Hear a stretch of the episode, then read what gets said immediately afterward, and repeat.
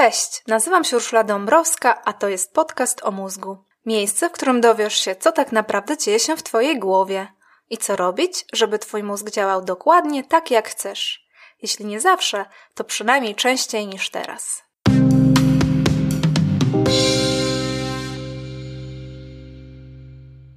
Dziś opowiem, co dzieje się z mózgiem, gdy nie ma nic konkretnego do roboty. Nie mam na myśli snu. Raczej chodzi mi o takie chwile w ciągu dnia, gdy dajemy mózgowi trochę wolnego, a on robi to, na co ma żywnie ochotę. Opowiem też, jakie są niebezpieczeństwa bujania w obłokach, bo musisz wiedzieć, że mózg puszczony samopas potrafi zabłądzić i trafić tam, gdzie wcale nie chcesz, żeby się zapędzał. Ale jest też bardzo dobra strona myślenia obstrem Można i warto je wykorzystywać dla własnych celów. Jak to robić, dowiesz się pod koniec tego podcastu. Serdecznie zapraszam.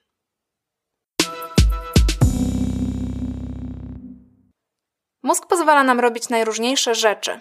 Prowadzisz teraz samochód, sprzątasz w kuchni, prasujesz. To są przykłady działań, które wykonujesz na autopilocie. Ty masz trochę wolnego, bo bez Twojego skupienia pracę wykonuje w większości Twój mózg. To on trzyma pilota.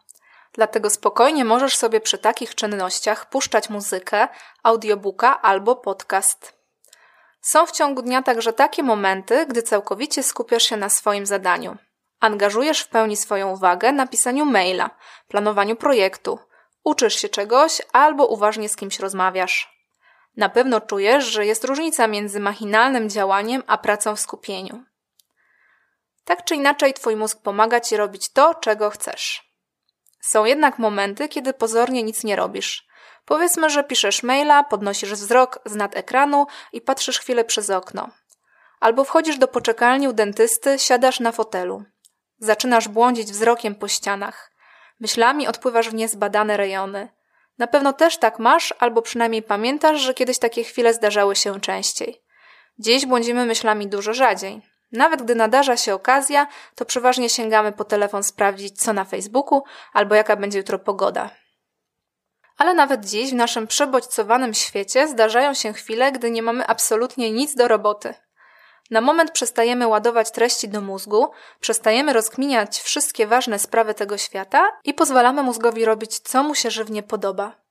I w takich chwilach mózg włącza specjalny zestaw obszarów, który naukowcy nazwali DMN Default Mode Network.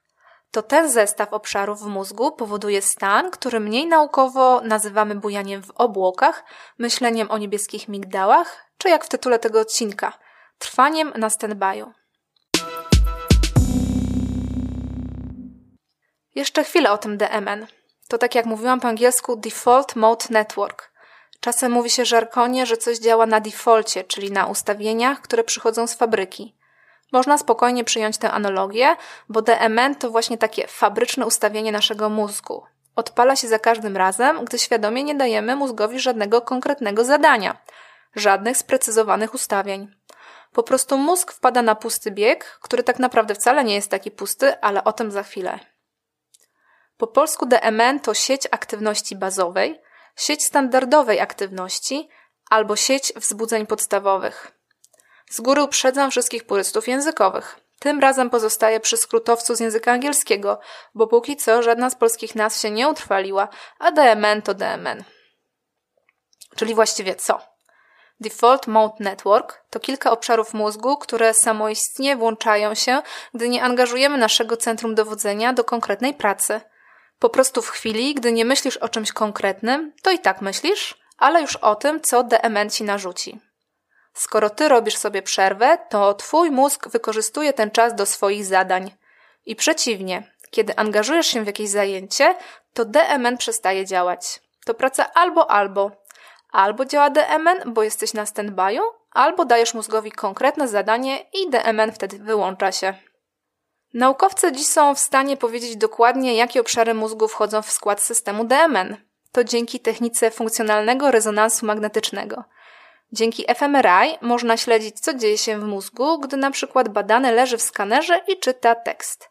Albo rozwiązuje działanie matematyczne, albo gra w szachy, albo ogląda kreskówki, albo nie robi nic. I dokładnie w takich chwilach nic nie robienia w mózgu aktywują się konkretne obszary zbiorczo nazwane DMN – Uwaga, teraz je wymienię. To części w przyśrodkowej korze przedczołowej i w boczno-przyśrodkowej korze ciemieniowej, a także przedklinek i tylny zakręt obręczy. I jak zwykle mniejsza o nazwy. Dużo ciekawsze jest to, za co te fragmenty odpowiadają i co właściwie dzieje się w naszej głowie, gdy DMN działa na całego.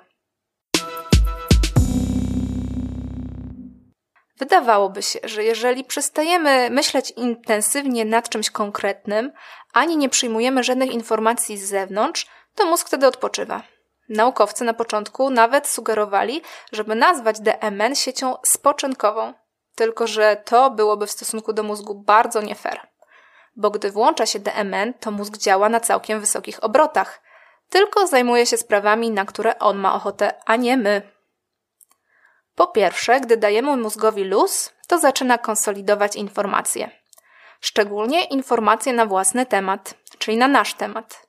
Mój mózg myśli wtedy o mnie, a twój o tobie.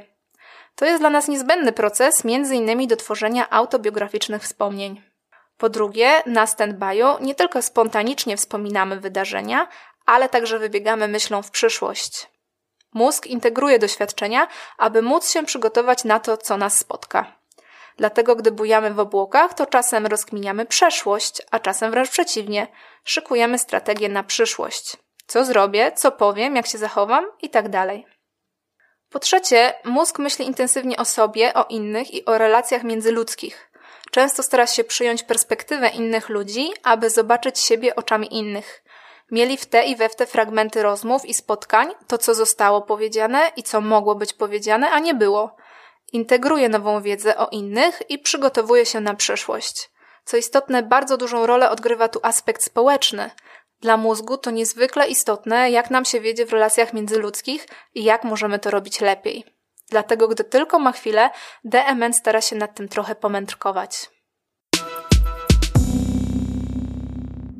Wszystko to brzmi bardzo niewinnie i całkiem pożytecznie. Wygląda na to, że mózg po prostu jest mega zapracowany i działa nawet wtedy, gdy my robimy sobie wolne. Fajnie, fajnie, ale jest tym jeden haczyk. System DMN jest jak użyteczny asystent, który ogarnia nasze życie i pilnuje terminarza. Ale podobnie jak asystent lub asystentka, Twój DMN może mieć swój charakterystyczny styl pracy. Jeden asystent z uśmiechem na twarzy przynosi dobre wiadomości, przypomina o miłych spotkaniach, ustawia na biurku Twoje najlepsze zdjęcia z wakacji i puszcza w tle ulubione piosenki. Ale możesz trafić na asystenta, który czyta na głos same tragiczne newsy, skarży na kolegów z pracy, przewiduje fiasko zawodowych projektów i spontanicznie zrzędzi na każdy dowolny temat. A jego przydomek to pan Deadline. Nie wiem, jak działa Twój DMN, ale mój jest gdzieś po, tak po środku. Trochę zrzędzi, ale też trochę pomaga. Jak jest u ciebie? Co robi twój mózgowy asystent? O czym najczęściej myślisz, kiedy nie myślisz o niczym konkretnym? Statystyka jest niestety nie po naszej stronie. Okazuje się bowiem, że u większości ludzi DMN może i działa sprawnie, ale powoduje obniżenie nastroju. Bujanie w obłokach, wbrew poetyckiej nazwie, bywa na dłuższą metę męczące i przykre. Dwóch naukowców z Harvardu, Matthew Killingsworth i Daniel Gilbert, sprawdziło to w 2010 roku. Wykorzystali specjalnie zaprojektowaną aplikację na smartfona. Zaprosili do badania 2250 ochotników między 18 a 80 rokiem życia. Aplikacja w najróżniejszych chwilach dnia i nocy pytała ich o trzy rzeczy. Po pierwsze, co w danej chwili robią, po drugie, czy robiąc to myślą o wykonywanym zadaniu, czy raczej bujają w obłokach, i po trzecie, jak się z tym czują. Okazało się, że luźne błądzenie myślami to najskuteczniejszy sposób, żeby obniżyć nastrój. Z jakiegoś nie do końca zrozumiałego powodu introspekcja, wspominki i planowanie łatwo przeradzają się w żale, lęki i samokrytykę. Czasem puszczony samopas mózg wręcz dręczy nas jakąś sprawą i w nieskończoność powtarza jedną myśl, wspomnienie, obawę. W ekstremalnym wydaniu są to ruminacje, czyli męczące i powracające wątpliwości, które dręczą osoby cierpiące na zaburzenia obsesyjno-kompulsywne albo depresję. Ale można być standardowo zdrowym człowiekiem, a i tak bywa ciężko wytrzymać z własnym systemem DMN. Dlatego ludzie z dużą determinacją próbują unikać sytuacji, w których mózg działa na stand-by'u. Jedni nie chcą się nudzić, drudzy zamartwiać, inni uciekają przed ruminacjami każdym razie większość z nas woli nie zostawać sam na sam ze swoimi myślami. Przynajmniej nie na dłuższy czas. Strategie radzenia sobie z męczącym DMN są co najmniej trzy. Za chwilę powiem Ci jakie. Słuchając, spróbuj wybrać coś dla siebie. Okej, okay, może jesteś szczęśliwcem, którego problem nie dotyczy. Może dogadujesz się nieźle z własnym systemem DMN. Twój wyjątkowo jest pomocny, ale nie napastliwy. Daje ci dobre wskazówki i pomaga ogarniać sprawy bieżące. Pozwalasz mu działać, jak mu się żywnie podoba i tylko czuwasz, żeby chwytać jego mądre rady. Ty i twój wewnętrzny asystent trzymacie sztamę. Ale czy na pewno? Zrób sobie test i odpowiedz szczerze na następujące pytania. Czy z chęcią siadasz w ulubionym fotelu i zatapiasz się w rozmyślaniach? Czy raczej włączasz Netflixa, odpalasz Instagrama albo bierzesz do ręki gazetę? Albo w poczekalni u dentysty. Co tam robisz? Oddajesz się błogim marzeniom? Czy raczej z zapamiętaniem studiujesz ulotki płynu do pukania ust? Pora na rozwiązanie sprawdzianu. Jeśli wybierasz ulotkę, to znaczy, że raczej ci nie po drodze z twoim DMN. Asystent może i ogarnia twoje życie, ale nie lubisz go na tyle, by pozwalać mu na zbyt wiele. Okej, okay. rozumiem, też tak robię. Tak właśnie wygląda pierwszy sposób uciszania DMN. To zajmowanie swojej głowy czym się da, ważnymi sprawami w pracy i tymi wszystkimi bzdurami, które robimy w czasie wolnym, byle za dużo nie myśleć. Jest też druga strategia radzenia sobie z toksycznym asystentem, czyli systemem DMN. To skupienie na bezpośrednich wrażeniach zmysłowych i byciu w tak zwanym tu i teraz. DMN jest tego całkowitym zaprzeczeniem. Jego główną funkcją jest odciąganie od rzeczywistości i przenoszenie w potencjalną przyszłość albo prawdziwą lub alternatywną przeszłość. Dlatego DMN wyłącza się za każdym razem, gdy skupiasz uwagę na tym, co w danej chwili naprawdę widzisz, słyszysz czy czujesz. Więc jeśli w przedziale pociągu obserwujesz przez okno mijające cię krajobrazy, to w potocznym rozumieniu też bujasz w obłokach, ale DMN nie odgrywa w tym żadnej roli. Jeśli bezmyślnie gapisz się na obrazki za oknem, a w tle odgrywasz ostatnią sprzeczkę z partnerem, to prawdopodobnie właśnie działa twój DMN. Część naukowców uważa, że to właśnie z tego biorą się dobroczynne skutki praktykowania uważności, jogi, sztuk walki czy medytowania. Te działania uczą mózg trzymać marudnego asystenta w ryzach. Przez to, że skupiają nas na doświadczaniu zmysłowym i uważnym zauważaniu rzeczywistości, ograniczają pracę DMN.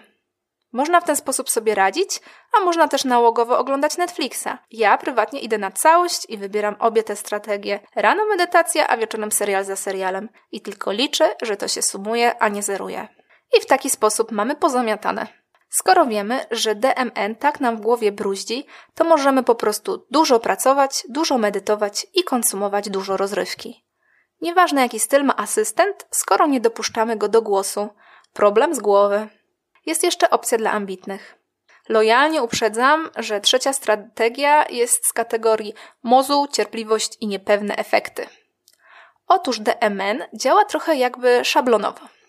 Jeśli sobie upatrzy jakiś sposób patrzenia na Twoje życie, to będzie to powtarzać, dokładnie jak asystent, który każdego dnia postępuje według jakiegoś ulubionego schematu, na przykład najpierw kawa, potem poczta, a potem sprawozdanie z harmonogramu dnia. Pytanie tylko, jaki schemat ma Twój DMN? Może być tak, że masz DMN, który podkreśla Twoje porażki, wyolbrzymia zagrożenia, przypomina o kłótniach bo z jakiegoś powodu uważa, że to jest dla ciebie ważne, pożyteczne, że takie czarnowictwo motywuje cię do działania. Robił tak przez 10 lat, to będzie robił nadal. Ale możesz asystenta zachęcać do robienia nowych rzeczy i zmieniania rytuałów. I możesz zachęcać DMN do widzenia świata w bardziej pastelowych kolorach.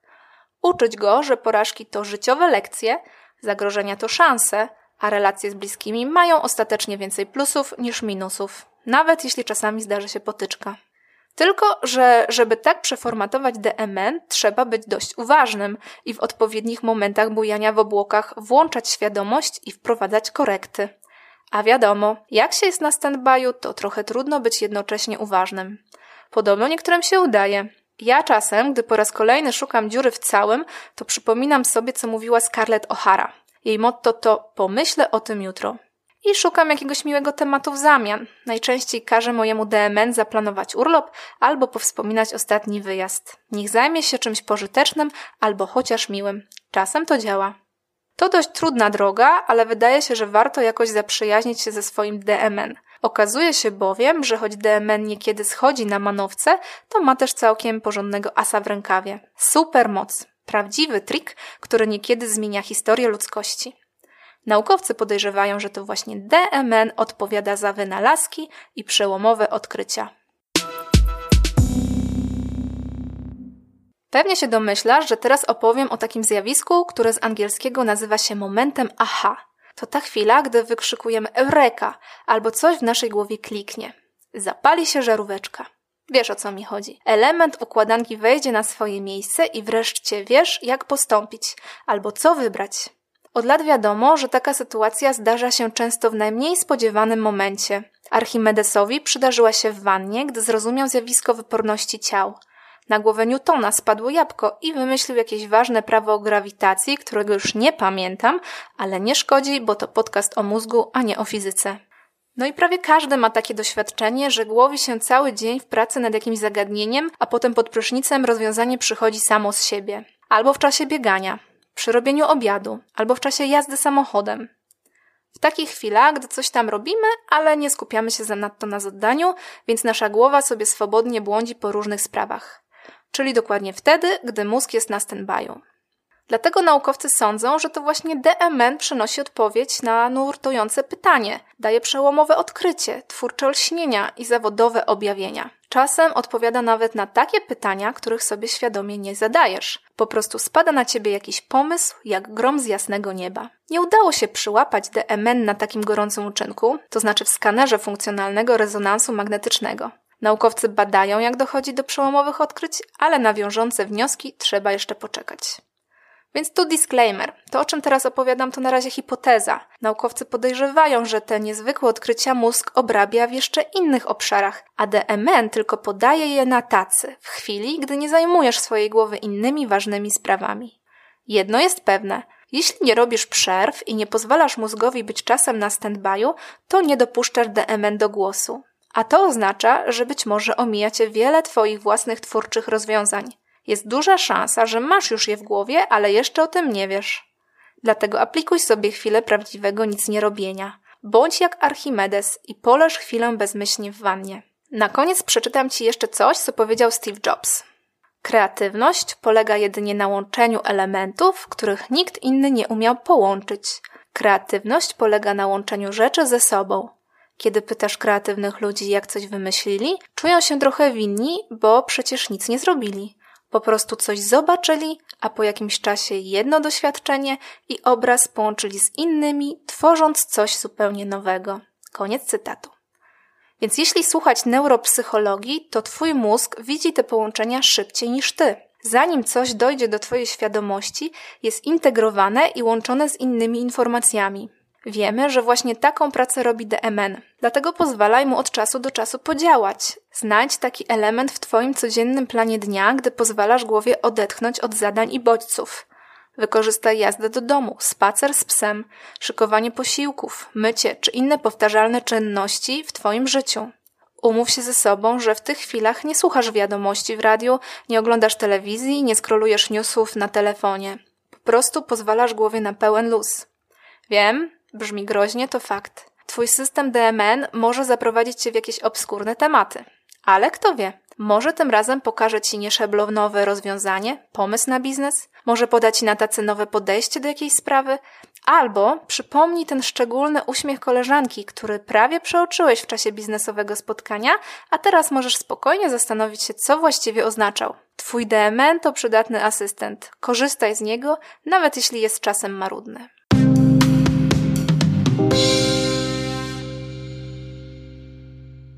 Dziękuję Ci za wysłuchanie tego odcinka. Jeśli chcesz więcej informacji na mój temat, zapraszam Cię na stronę www.urszuladabrowska.pl. Znajdziesz tam mojego bloga oraz opisy moich książek. Podcast o mózgu jest także na Facebooku. Zapraszam do kontaktu. Tymczasem do usłyszenia. Dobrego dnia, dobrej nocy. Ula.